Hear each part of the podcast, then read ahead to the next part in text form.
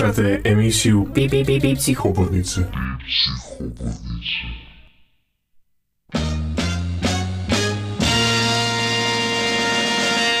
Sada slušate Pipke Hobotnice. Hobotnice.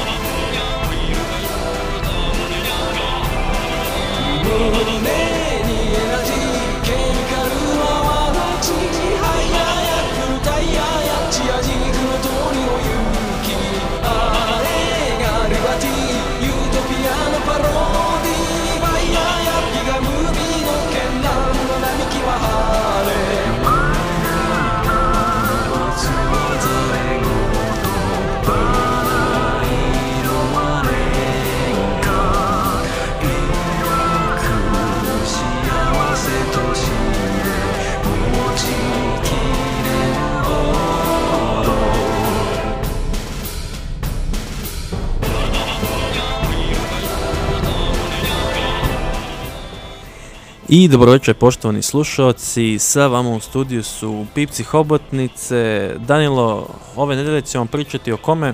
Pričamo o Kihichiru Kawamotu, majstoru japanske animacije sa lutkama, jedan od pionira indie animacije, kako se tako to zove u Japanu, jedan od najpopularnijih indie animatora i uopšte lutkara iz Japana.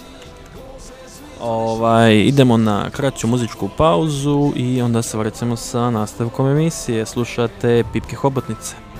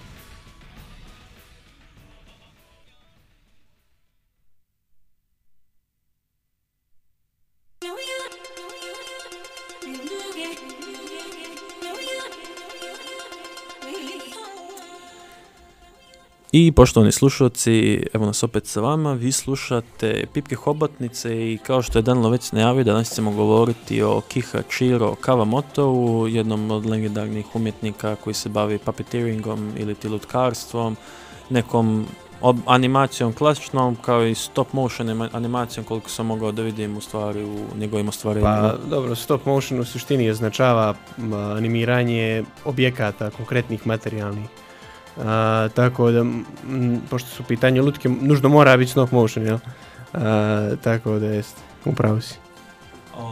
ovaj, opet smo se i opet smo se i nadovezali na Osama Tezuku koji sam vidio da je u stvari nekoj korelaciji sa mm -hmm. Kawamotom jer je Kihechiro Kawamoto preuzeo japansku asocijaciju animacije od njega tako da zajedno i sa prethodnim umjetnikom kojeg smo obrazivali, opet smo se nekako povezali s ljudima koji Astroboy, koliko se sjećam, je bilo njegovo um, ostvarenje. Jeste, ono, glavno ostvarenje, međutim, veze sa samotezukom je mnogo manja. ovo je ipak u pitanju jedan indie animator, dakle nema tolike povezanosti sa mainstreamom kao prethodni autori koje smo obrađivali. U suštini većina njegovih uticaja koja se tiče Kihachira kao mota se veže za neke obskurnije, da kažem manje poznate režisere i umjetnike. tako da, iako postoji neka veza sa samotezukom, ne, ne treba ovako eksponirati priše. ovaj, od velikog broja ostvarenja koje, smo, koje sam to jest, mogao da nađem na internetu, možda je malo bilo teže doći do njih, nekih je bilo i na YouTube-u, međutim veoma loš kvalitet ili sa njemački, sa ruskim prevodom ili onaj dubom. Ali opet mislim da je bilo isto pristupačno doći do nekih kraćih ostvarenja i da je sarađivao sa veoma velikim brojem europskih umjetnika, da je jedan ovaj, od njegovih filmova, ovaj Anthropos Cynical Farce, je na francuskom, a da je u stvari uzor njegov bio i češki umjetnik koji je u stvari bio njegov sense i životni umjetnički pa, dobro, aktor. Ovako da počnemo prvo, jeste on je bio od, od djetinjstva je bio veliki fan lutkarstva i lutaka, lutki. E, međutim, on nije mogao da nađe način da tu svoju ljubav neku iskaže u nekim profesionalnim vodama. On je bio, on je završio arhitekturu originalno bio i onda se zaposlio u okviru toho sistema gdje je bio asistent produkcijnom dizajnu.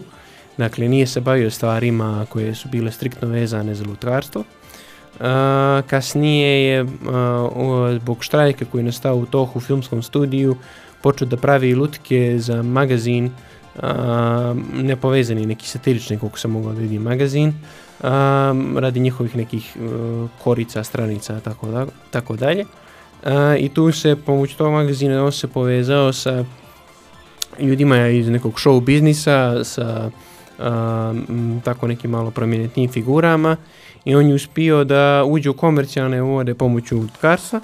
Uh, on je poznat po tome u tom periodu 60-ih što je pravio uh, lutke uh, za reklame, za različite neke proizvode i tako dalje. Znam za piva, pivnicu, sjećam se ne, ovaj, po istraživanju da se našao da je pravio kao lutkarski spot, tako da, da se izrazim. Kasnije je ono što je zapanjujuće jeste što je ona došla jedna totalna umjetnička transformacija. Dakle, jedan od ovih osoba iz ovog magazina mu je pokazao kratki film Jirija Trnke, češkog lutkara, i to je dosta ovako, ajde, bio ovako zbini film sa jednom jako umjetničkim izrazom. to je bio indiji, ajde tako da se izrazim, indiji animatorski film koji je došao iz nije češke nego čehoslovačke tadašnje tačnije. I to je film je dosta impresionirao uh, samog Kihachira Kawamota. Uh, toliko ga impresionirao da je on svoje 40. godini, dakle dosta pozna ili u svom nekom stvaralaštvu i svom profesionalnom životu, odlučio da se preseli u Češku, to jest u Čehoslovačku, uh, i da bude mm, pod mentorom, da, da čini da radi... Šegrt. Jeste, da bude šegrt ovoga Irije Trnke, da nauči od njega lutkarstvo i kasnije da to prenese u svoj, ja te, da, to postaje, da on postane neka japanska verzija jer, i Jirije Trnke. Master of Puppets. Da, i kasnije bio, pošto je proveo mnogo godina radeći pod njim, se kasnije vratio u Japan, gdje je počeo da proizvodi uh, nekoliko kratkih filmova koji su postali jako, jako poznati. Mislim, jako, jako poznati. Uh, postali su poznati u tim animatorskim krugovima na zapadu, dok je postigao jedan dio malo kasnije i popularnosti u samom Japanu pomoću nekih komercijalnih dijela kao što je adaptacija na priče Sleeping. Beauty. Ne, ne, ne, nego, nego, nego kao priča Heike i, i Romance of Three Kingdoms, tako neke stvari je radio, adaptirao, koje su bile popularne u Japanu, međutim, je uh, više poznaje ratom tim animatorskim krugovima uh, na zapadu. Ovaj, da, i kroz, evo ovako ukratko, dokle ne pređem na neke specifične stvari, vidio sam da u svim njegovim skoro filmove se provlače budistička mitologija Mhm. u Japanu, tradicionalne priče japanskih umjetnika, kineska isto mitologija u jednom dugometražnom filmu i da ima lutke koje u stvari koristi kroz većinu svojih filmova, samo da im u stvari menja appearance sa šminkom Mhm. ovaj, da veoma voli da koristi onaj oni, eh, one demone, kao Da, da, da. je jedna, Da, to jedna je- od likova. Pa dobro, ovaj, jedan od savjeta Iri Trnki mu je bio da obrati pažnju na japansku kulturu, to je da njegovi filmovi budu, uh, budu jasni izraz japanske tradicionalne kulture. I on je na to obratio pažnju i to je ovako maksimalno ispoštovao.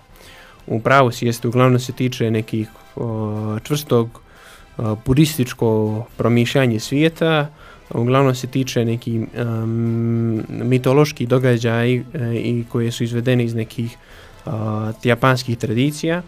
Ono što je bitno jeste što je većina njegovih dijela, točnije većina poznatih njegovih dijela i tako da se izrazim oni što su njegovi a, što su prepoznate njegova dijela su adaptacije no priča, no je a, za sve ove slušatelje koji ne znaju, no je tradicionalno japansko pozorište koje je ovako dosta stilizovano i, ima neke obrace koji su dosta njemu jedinstveni.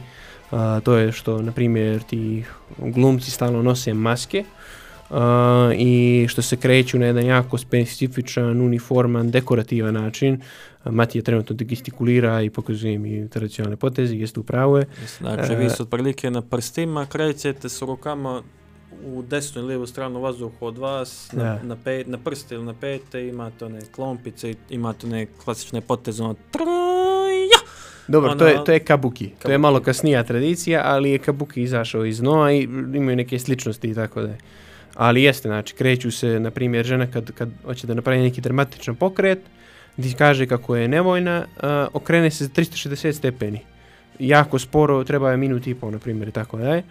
A, uvijek su tu praćeni a, a, ovaj, tradicionalna japanska i instrumenti, shamisen i kako izvaše, shakuhachi, ja mislim, da je flauta njihova, tako da i isto je povezan i sa tradicijom jednog bunrakua, što su tradicionalne japanske lutke koje on o, konstantno koristi u, a, u svojim dijelima i tako dalje. A, Tako da je dosta ovako je od svih autora koji su trenutno radili, jako je, pored toga što je čovjek a, stasao na zapad, tako da se kaže, mislim relativno zapad, ovaj, tad je bio istok, a, on je, on je ipak a, Najoriginalniji reprezent japanske kulture. da, da, da, da. Mislim da je do jednog nivoa koji je jako teško dostići čak. To, to bi rekao.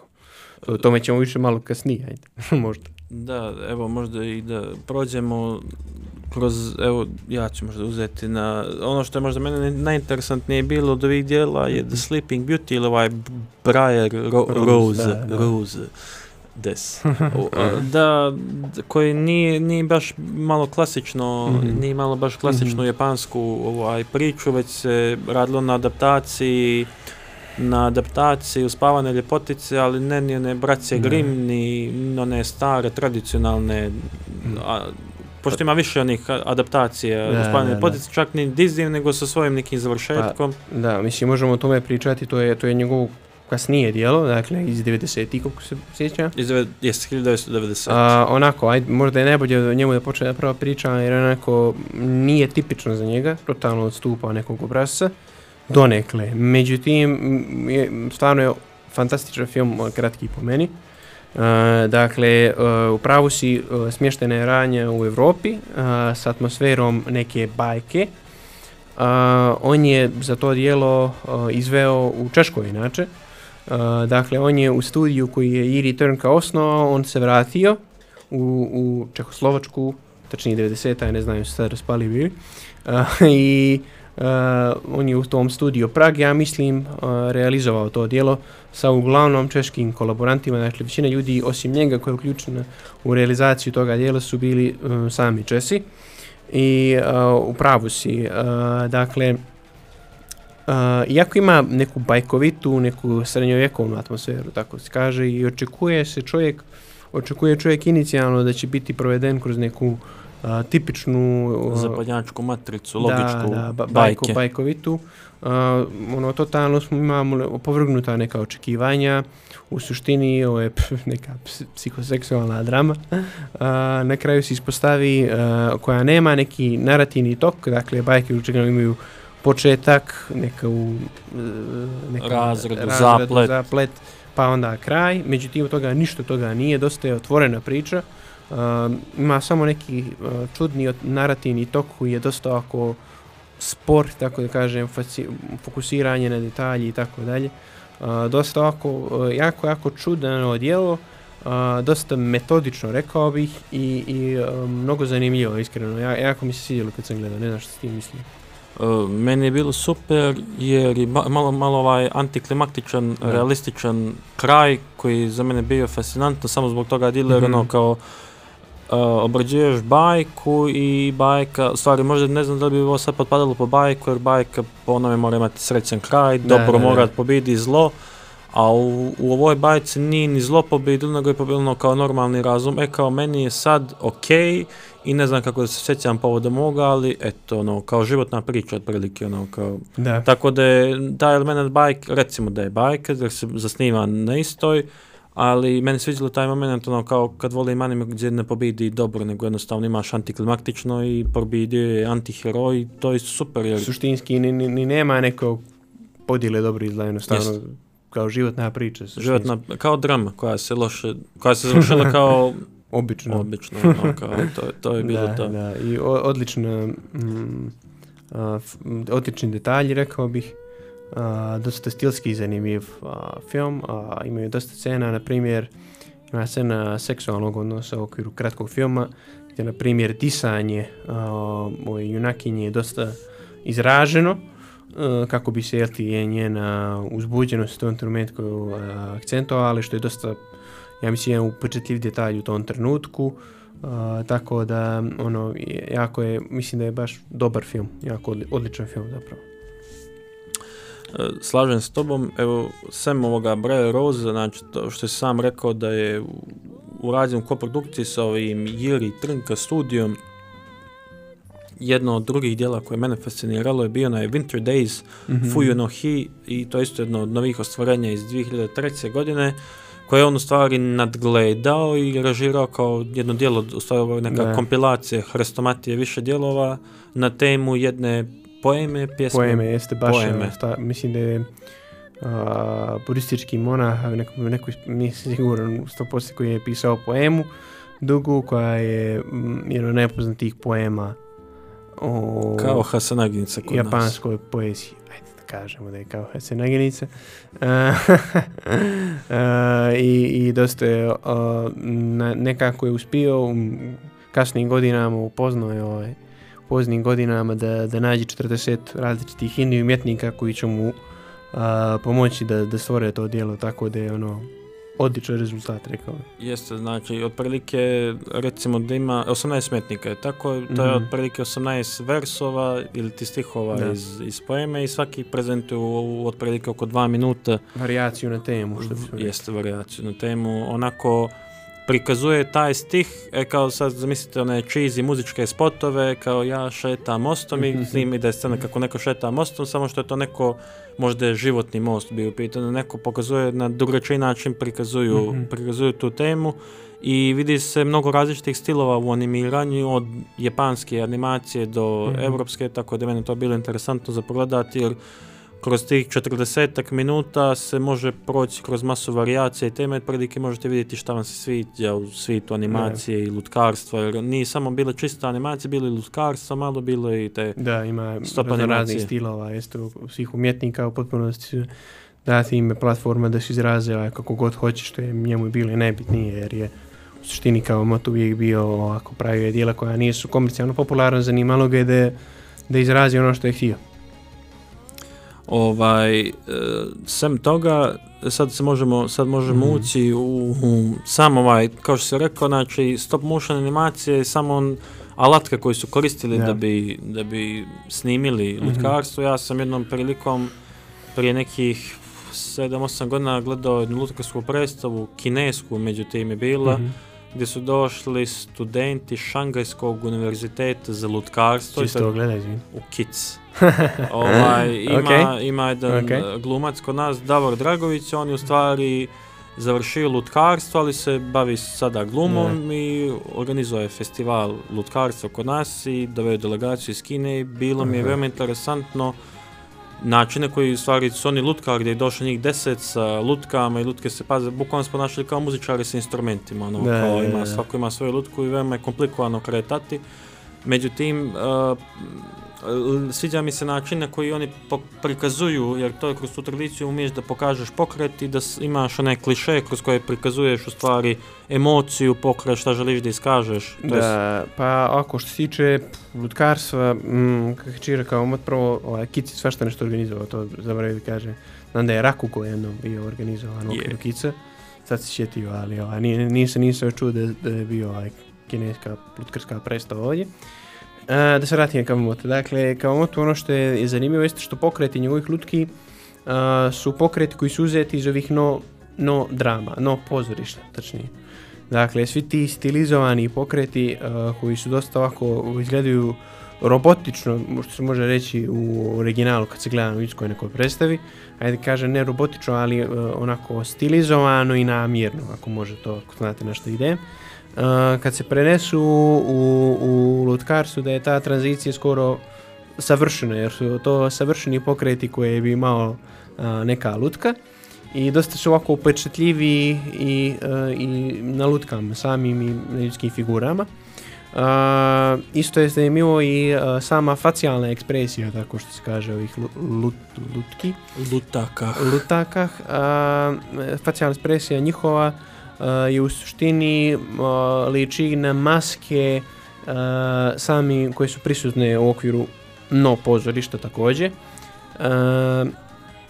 Jer oni, dakle, u no pozorištu svi noše neke maske i onda ekspresija u suštini zavisi od ugla kojem je ta maska prikazana i u tom trenutku svijetla kako je ono korišćeno i to je nešto što koristi Kihačiro Kawamoto, dakle uh, možda će biti samo jedna, na primjer, uh, izražaj lica maske, međutim u zavisnosti od ugla samog, od svjetla, od postavljenosti uh, lutke, on može da proizvede različite efekte ta maska. Uh, tako da je to on pokupio dosta od tog uh, pozorišta, neke dobre stvari i razvio jednu dosta jedinstvenu uh, lutkarsku predstavu. Uh, uvijek su odlične što se toga tiče o, lutki u svakom dijelu, dakle što tiče o, o dječje, uh, dosta izgleda realno i realistično.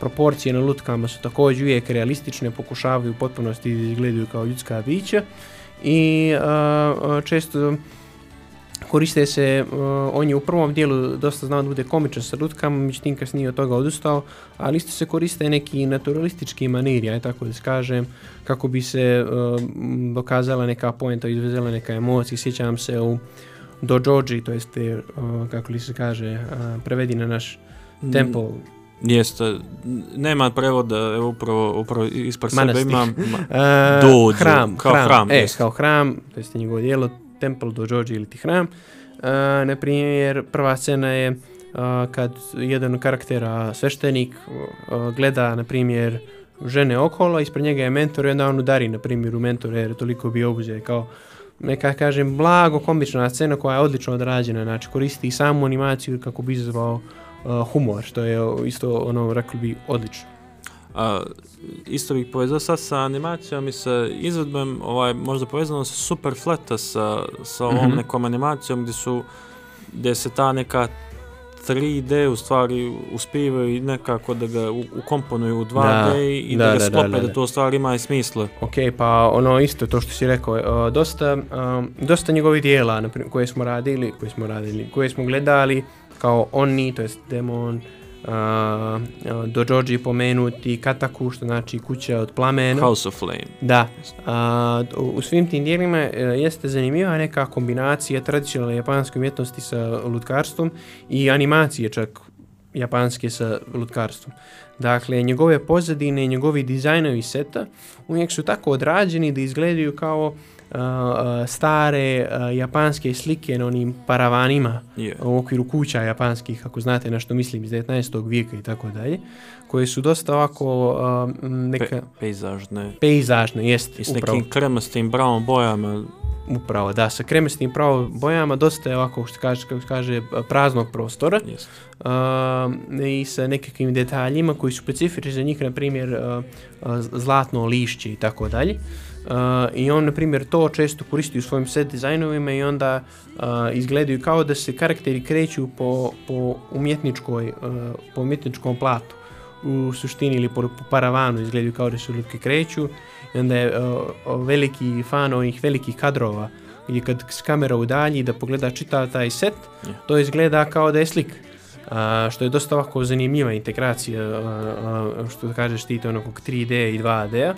I često je ta neka tranzicija između slike koje često rabi, tako kažem, koristi, i nekog set dizajna koji je materijalan, koji je stvaran, neprimjetno. I baš je odlična ta tranzicija odrađena često. Uh, u jed, to, sam, u- to sam baš primijetio kad sam gledao jedno od ovih dijela, uh, to je bio kad se uh, Don't Cut, uh, Breaking of Branches is Forbidden, Mhm. u stvari kad oni krenu, ja sam se vrijeme mislio da je ono drvo naslikano, ali ono da. drvo u stvari krenuo se okreće oko njega, onda on podignuo ono u, u 3D osnovi. A to je jedno od prvih njegovih ostvarenja iz 68. godine i to mi je možda bilo Da. i najbolje, ovaj, jer priča možda i ne treba toliko da, da, da ima onaj ob- objašnjenje za nju, ali to je taj moment gdje se koristi isto i veoma jednostavne ove tehnike iz montaže, žre, iz reži obični fade inovi, fade outovi sa, ono, sa, sa zamračenjem ekrana i Mhm, ulazak u mhm. novu scenu, ali opet ima i tih komičnih, ima i komičnih elemenata, jer sam mislio da će biti čiste drame, ali da isto ima onih komičnih elemenata kad im on popije sake, pretpostavljam Da. je predstavljala Da. ona, ona boca. Koja velika. misliš da su najbolja djela njegova? Pa od ovoga svega što sam, što sam pogledao, uh, misl, po meni Breaking of Branches is Forbidden i Winter Day su mi se najvi- najviše svidjeli. Uh, ovaj Anthropocynical Farce mi je bio ok, međutim previše je bio baziran na dijalogu i to nije ono zašto sam se opredijelio za ovaj umjetnički izraz, jer više me posjećalo neko pozorišno ostvarenje gdje, se, Da. gdje je fokusirano ti moraš dijalogom da objasniš Nije, nešto. nije bilo ovako, ta dijelo nema nekih scena, nekih zanimljivih, nešto lijepo da izgleda. tako Priča je, u suštini scenarij je napisan sa dijalogom i dijalog objašnjava radnju, međutim u drugim, u drugim ovim ostvarenjima vezano je sve za izraz, to je za glumu Da, da, tih da. u stvari lutaka i to mi je bilo interesantnije. I bio mi je, bio mi je interesantan o, self-portret, onaj kratko samo Da. minut traje gdje on se igra, gdje sam u stvari vidio u stvari kako se formiraju i lutkice i ona animacija. To mi je bilo onako interesantno, ali ovaj Breaking of Branches, on mi je bio najinteresantniji i Winter Days jer sam mogao da vidim kompilaciju različitih umjetnika. A, dobro, meni, meni od njegovih dijela možda bi tu bio najinteresantniji ovako neka najtradicionalnija neka dijela, to je kao Katako, ovaj House of Flames koji je pomenut i uh, Dojoji pomenuti hram. Dakle, ono što je meni za što mislim da je dosta specifično, uh, prvo jeste na mogućnost apsolutne transportacije u okviru tog perioda. Dakle, stvarno um, neke moralne, neke vrijednosti, neke koje možemo da izvučemo iz sva dva dijela, dosta upitna za, za moderni svijet. Među to, to, to mi se i sviđa, što je toliko arhaično uh, vrijednostni sistem koji je iskazan u tim dijelima je da je to a, apsolutno šokantno i meni strano djeluje što mi omogućava da još više mi se sviđa onda zbog toga jer u potpunosti sam transportovan u neku u neki umni prostor čovjeka koji ne doživljava ovo samo kao zanimljivu priču, nego kao živu tradiciju. I, i dosta je, bog toga nešto dosta su mi interesantni suštinski te budističke vrijednosti koje su oni tamo ovaj, zagovara su, kažem, dosta bizarne za moderne standarde. međutim, interesantno je. još što je tu interesantno jeste totalna sinhronija svih elemenata. Dakle, muzika u oba dijela bi rekao je odlična u smislu potapanja nekih dramskih scena i tako dalje. Um, to je sve tradicionalna japanska muzika, normalno, dakle u potpunosti sve, svaki element je tradicionalan i rekao bih da da stvarno postoji ta, što si rekao, integraciju koju smo već pričali na dosta mjesta, posebno u Kataku, rekao bih, ima jedna fantastična vizualna scena. žena koja silom prilika završila u paklu i onda tradicionalni 2D plamen u jednom trenutku se pretvara u pticu koja je materijalna ili koja je lutka, koja ona počne da joj jede glavu. Kvozana ptice koja jede mozak. I jeste, dakle, fantastična je vizualna scena i prepuna je takvih sličnih nekih momenata, koristije se i neki trikovi, filmografski, do George ima često te scene sa, sa sočivima, sa efektima sočiva gdje su ivice ekrana, na primjer, totalno blurovane, mute. Simuliraju anamorphic lenses u stvari. Da, da, da. Tako da je dosta, dosta je interesantno. narativno, na primjer, Kataku ima prošlost, poslije život, sadašnjost, znači dosta tri momenta koja su poprkana i dosta elegantno, ja mislim da su ispričali tu priču, tako da to je nešto što me najviše fasciniralo, taj totalna odstranjenost od bilo kakve savremene realnosti u svim njegovim, u tim nekim njegovim najjačim po meni dijelovi, dijelima koja me duboko fascinirala, rekao bih.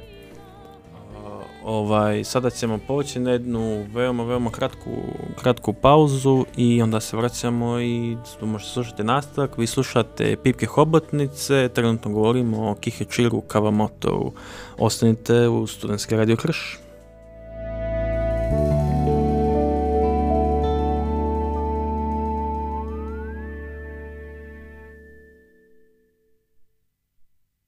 99 pipaka. Oh no! 99 MHz. Oh no!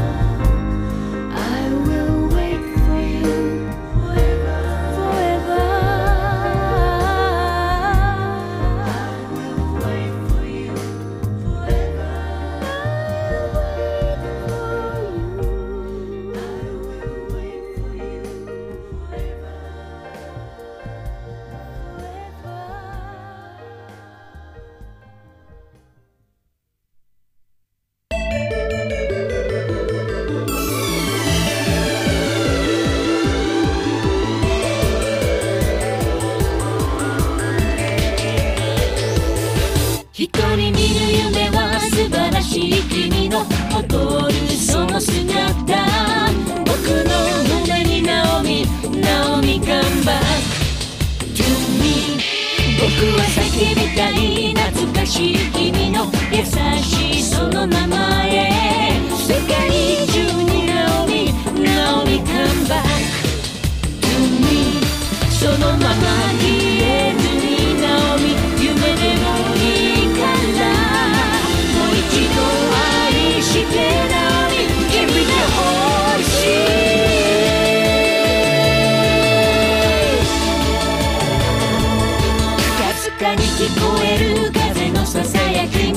窓辺に寂しく君を呼ぶよナオミナオミ come back to me 夜は消えてゆき朝の訪れに空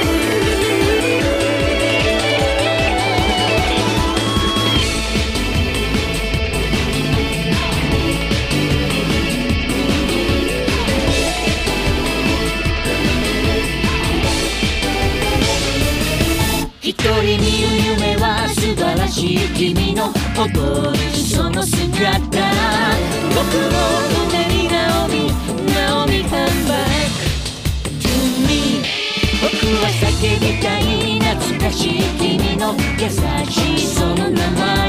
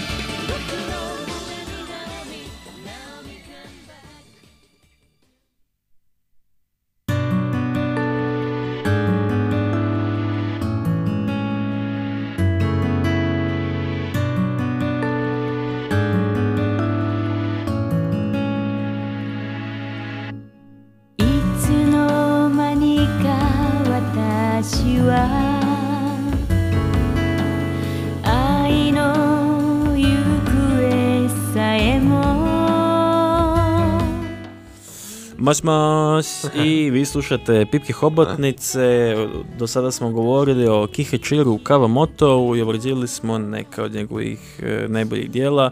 E, ja bih sada nadovezao na priču koju smo, o kojoj smo do sada govorili, o House of Flame ili o, o Kataku. Ovaj, drago mi je što postoji što postoji ovakvih dijela, s obzirom da nisam puno upoznat sa japanskim kulturnim i književnim ostvarenjima, pa se nisam susretao sa nekim ovako tradicionalnim bajkama. Međutim, vidim da se opet, da opet ima nekih elemenata kao i u evropskim nekim starijim bajkama, da, da se pronalaze te neke kao uh, matrice, ali u ovoj, u ovom ostvarenju mi se najviše sviđalo način na koji on prezentovao, na primjer, ta binar, taj binarni pogled u stvari na svijet gdje on, na primjer, ratnika prikazuje sa crvenim bojama, pjesnika pokazuje sa bijelim i onda u Mhm. stvari dili ekran uvijek na dva dila, Da. između njih stoji kao ta djeva, ako bi se moglo tako nazvati. Aha.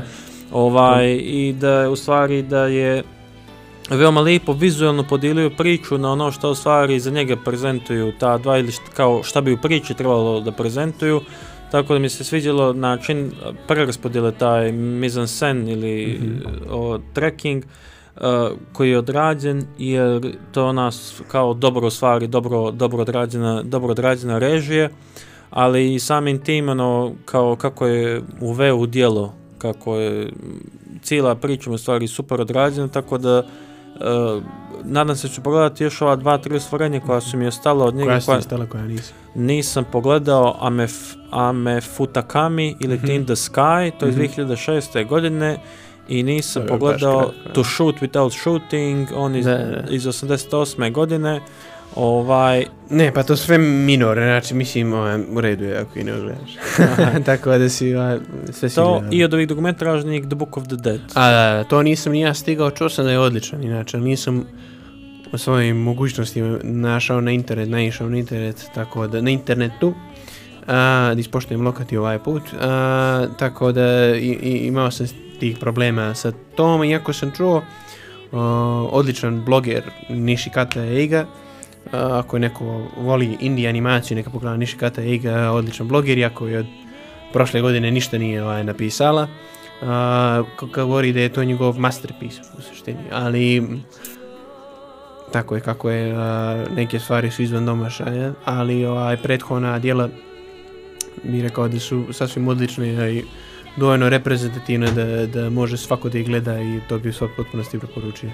A, ono što bih sad, o čemu bih ja ovdje sad diskutujemo, bilo jedno strašno stvorenje koje me posjetilo na jedan odličan eksperimentalni dokumentarni film za sve ljubitelje onog eksperimentalnog dokumentarnog Mhm. filma, ne, ne novinarskog, žurnalističkog, ovaj Travel Titabi, Aha, da, u stvari gdje on prikazuje, gdje on spaja i fotografije realne i, i snimke, ovaj, koje su stvarno video zapisi sa animacijom i sa pričom koja ima neku stvari i, i dublju poentu, neku ličnu priču i notu i pomalo je nerazumljivo sa, ono, kao namjerno.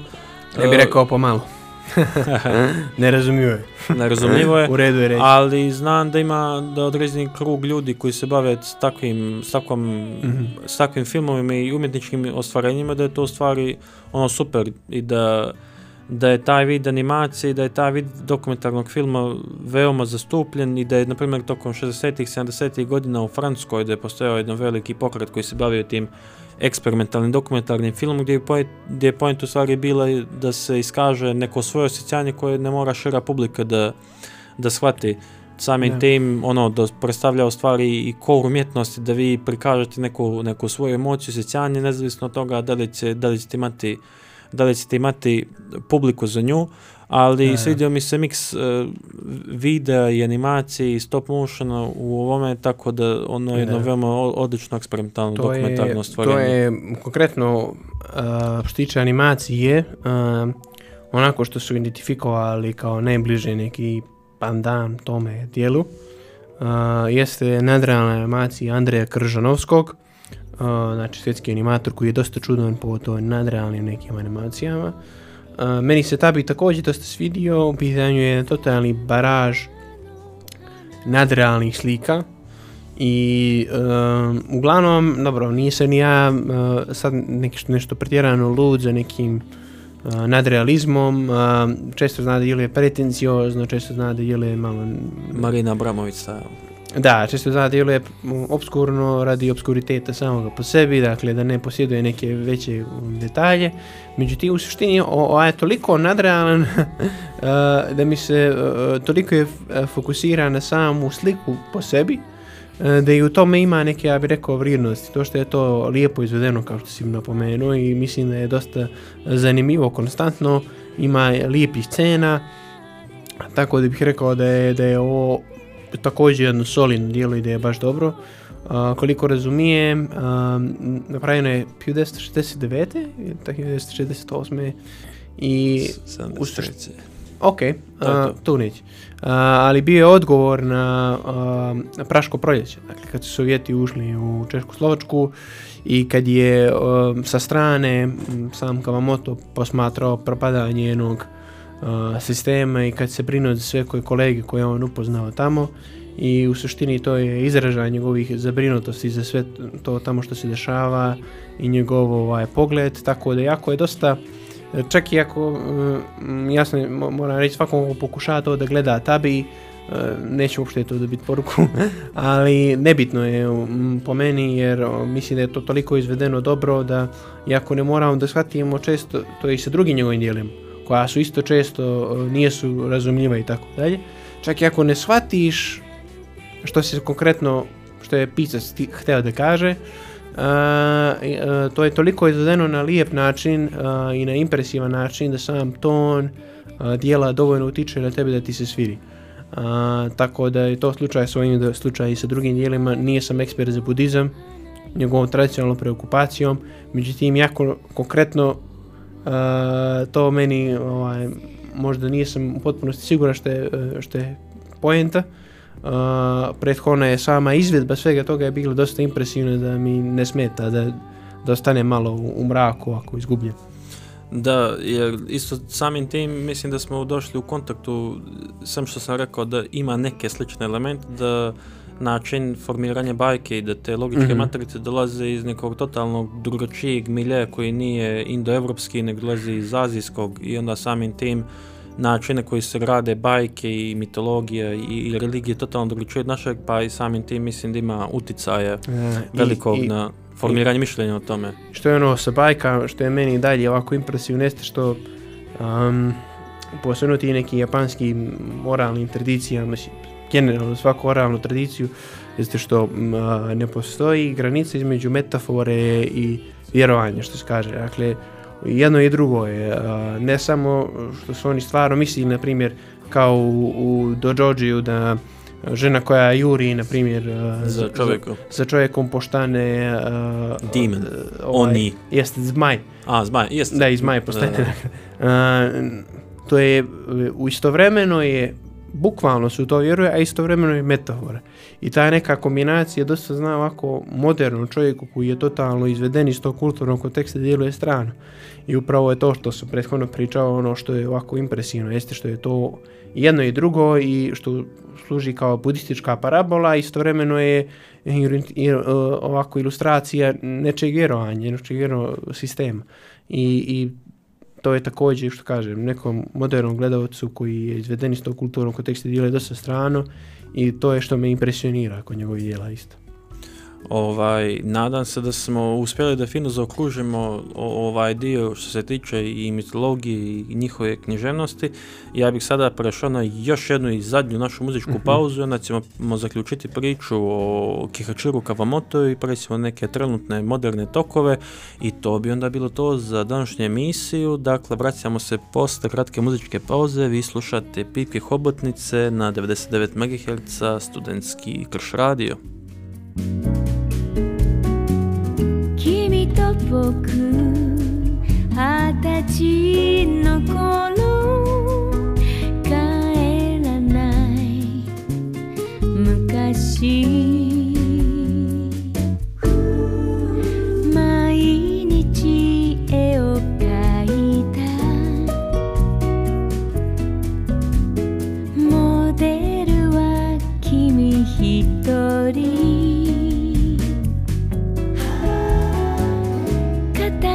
少し胸の線を書いては消して」「たまには口づけなど交わして」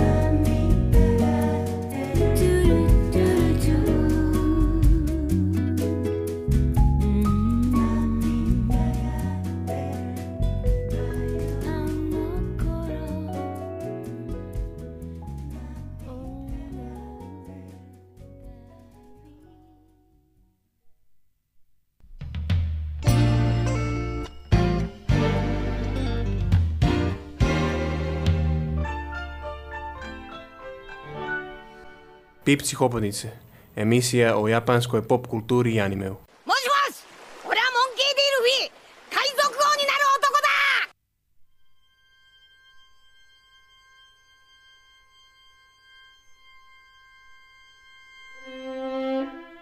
Hello, hello, hello, sa vama su Pipci Hobotnice, danas smo govorili o Kihachiru Kawamoto, ovaj, na, mislim da smo prilike uspjeli donekle da zaokružimo priču koliko nam je format od sat vremena dozvolio, da smo otprilike prikazali da je veoma interesantno i pratiti japansku kulturu, uh, samu književnost, ali i animaciju koja možda i nije bila toliko tradicionalna kao što smo do sada radili u ovome čistom anime formatu, gdje smo mogli da vidimo da se i sana, sama animacija odoprla trendovima koji su odlazili 70-ih, 80-ih, 90-ih godina gdje nije bilo njih boja, gdje nije bilo njih izraza uh, koji su tradicionalni, već da Kawamoto od početka do kraja istraje u svojoj tradicionalnosti, da istraje u jednom umjetničkom izrazu i u tradiciji koju je pokušao da prikaže.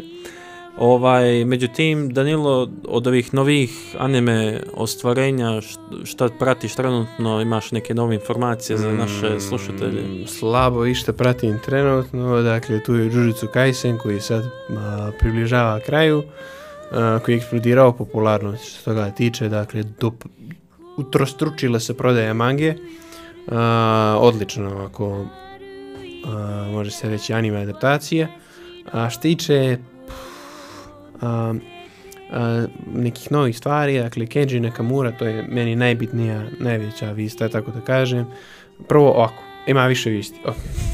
Evangelion najnoviji film je izašao, znači zadnji film koji treba da završi trile, uh, uh, novi mm, serijal filmova o Evangelionu. Omnibus. Omnibus je došao i e, nadamo se da ćemo biti u prilici da ga gledamo što skorije da ga gled, i da uživamo u tome. Dakle, Evangelion nije četvrti film, nego je 3 plus 1 a, kao u naslovu. A, on je došao, znači to treba bude najveća stvar, treba bude ogroman hit a, u japanskim bioskopima, Biće, to je kulturni feno- fenomen. Tako da to je nešto što na ćemo da obratimo pažnju, na što, što ćemo da gledamo i vidjet ćemo kako će da se kotira u bioskopima. A, sljedeća stvar je a, što je a, Kenji Nakamura, o, poznati anime režiser koji je režirao odlične neke anime kao Mononoke, režirao je Tsuritamu I, dakle, uh, Gatchaman Crowds, znači baš odličan režiser, u ranoj karijeri mi se više sviđa nego kasnije, a nebitno, uh, koji odavno nije režirao anime, mislim od 2016 ili 2018. A, ponovo bi trebao da izađe sa najnovim nekim dijelom. I da čekamo jer kažem on je ovako dosta zanimljiv režiser. A, i to je bilo to ja mislim što se tiče neki veći visti i dalje rastura uh, Demon Slayer. U biskupima treba bi oko 40 milijardi japanskih uh, Jena. jena da zaradi što se nekih pada oko 375 ja mislim miliona dolara tako nešto.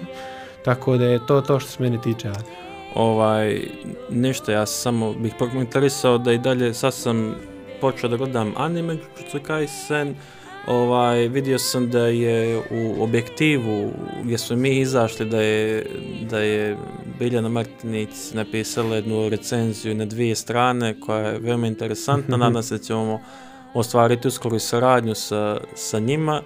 Ovaj, i drago mi je da ima još ljudi u, u Crnoj Gori koja, koji se bave animeom na način na koji mi pokušavamo da, da prikažemo javnosti na, na kvalitet ovog filmskog izraza. Ovaj, ali ja trenutno zabao na, na par stvari, na, zastao sam, to jest čitam onaj koreansku, onaj solo leveling koji Mhm. mi je super interesantan.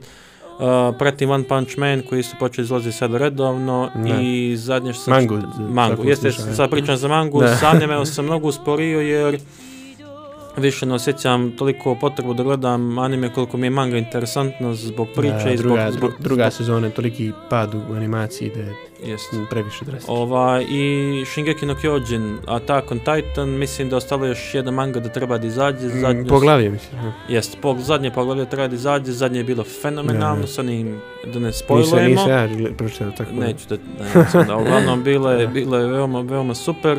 Ovaj, tako da nadam se da ću uzeti da pogledam zadnjih par epizoda One Piece jer sam sve recenzije kritike koje, sam pročitao Mm. kažu da su to u stvari možda i najbolje animirane epizode Mhm. ali shvatam hype svih ljudi jer se radi ono o prethodnoj eri iz uh, Pirate Crew koji je ono kao Da, Oden, Veliki Kozuki, trenuci.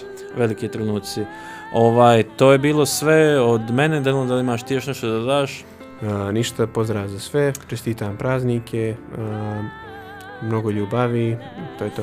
Tako, u- svakako nadam se da ćete nas možda slušati na jednoj televiziji u Crnoj Gori u ponedjeljak, ali evo pratite nas na, na našoj Instagram i Facebook stranici.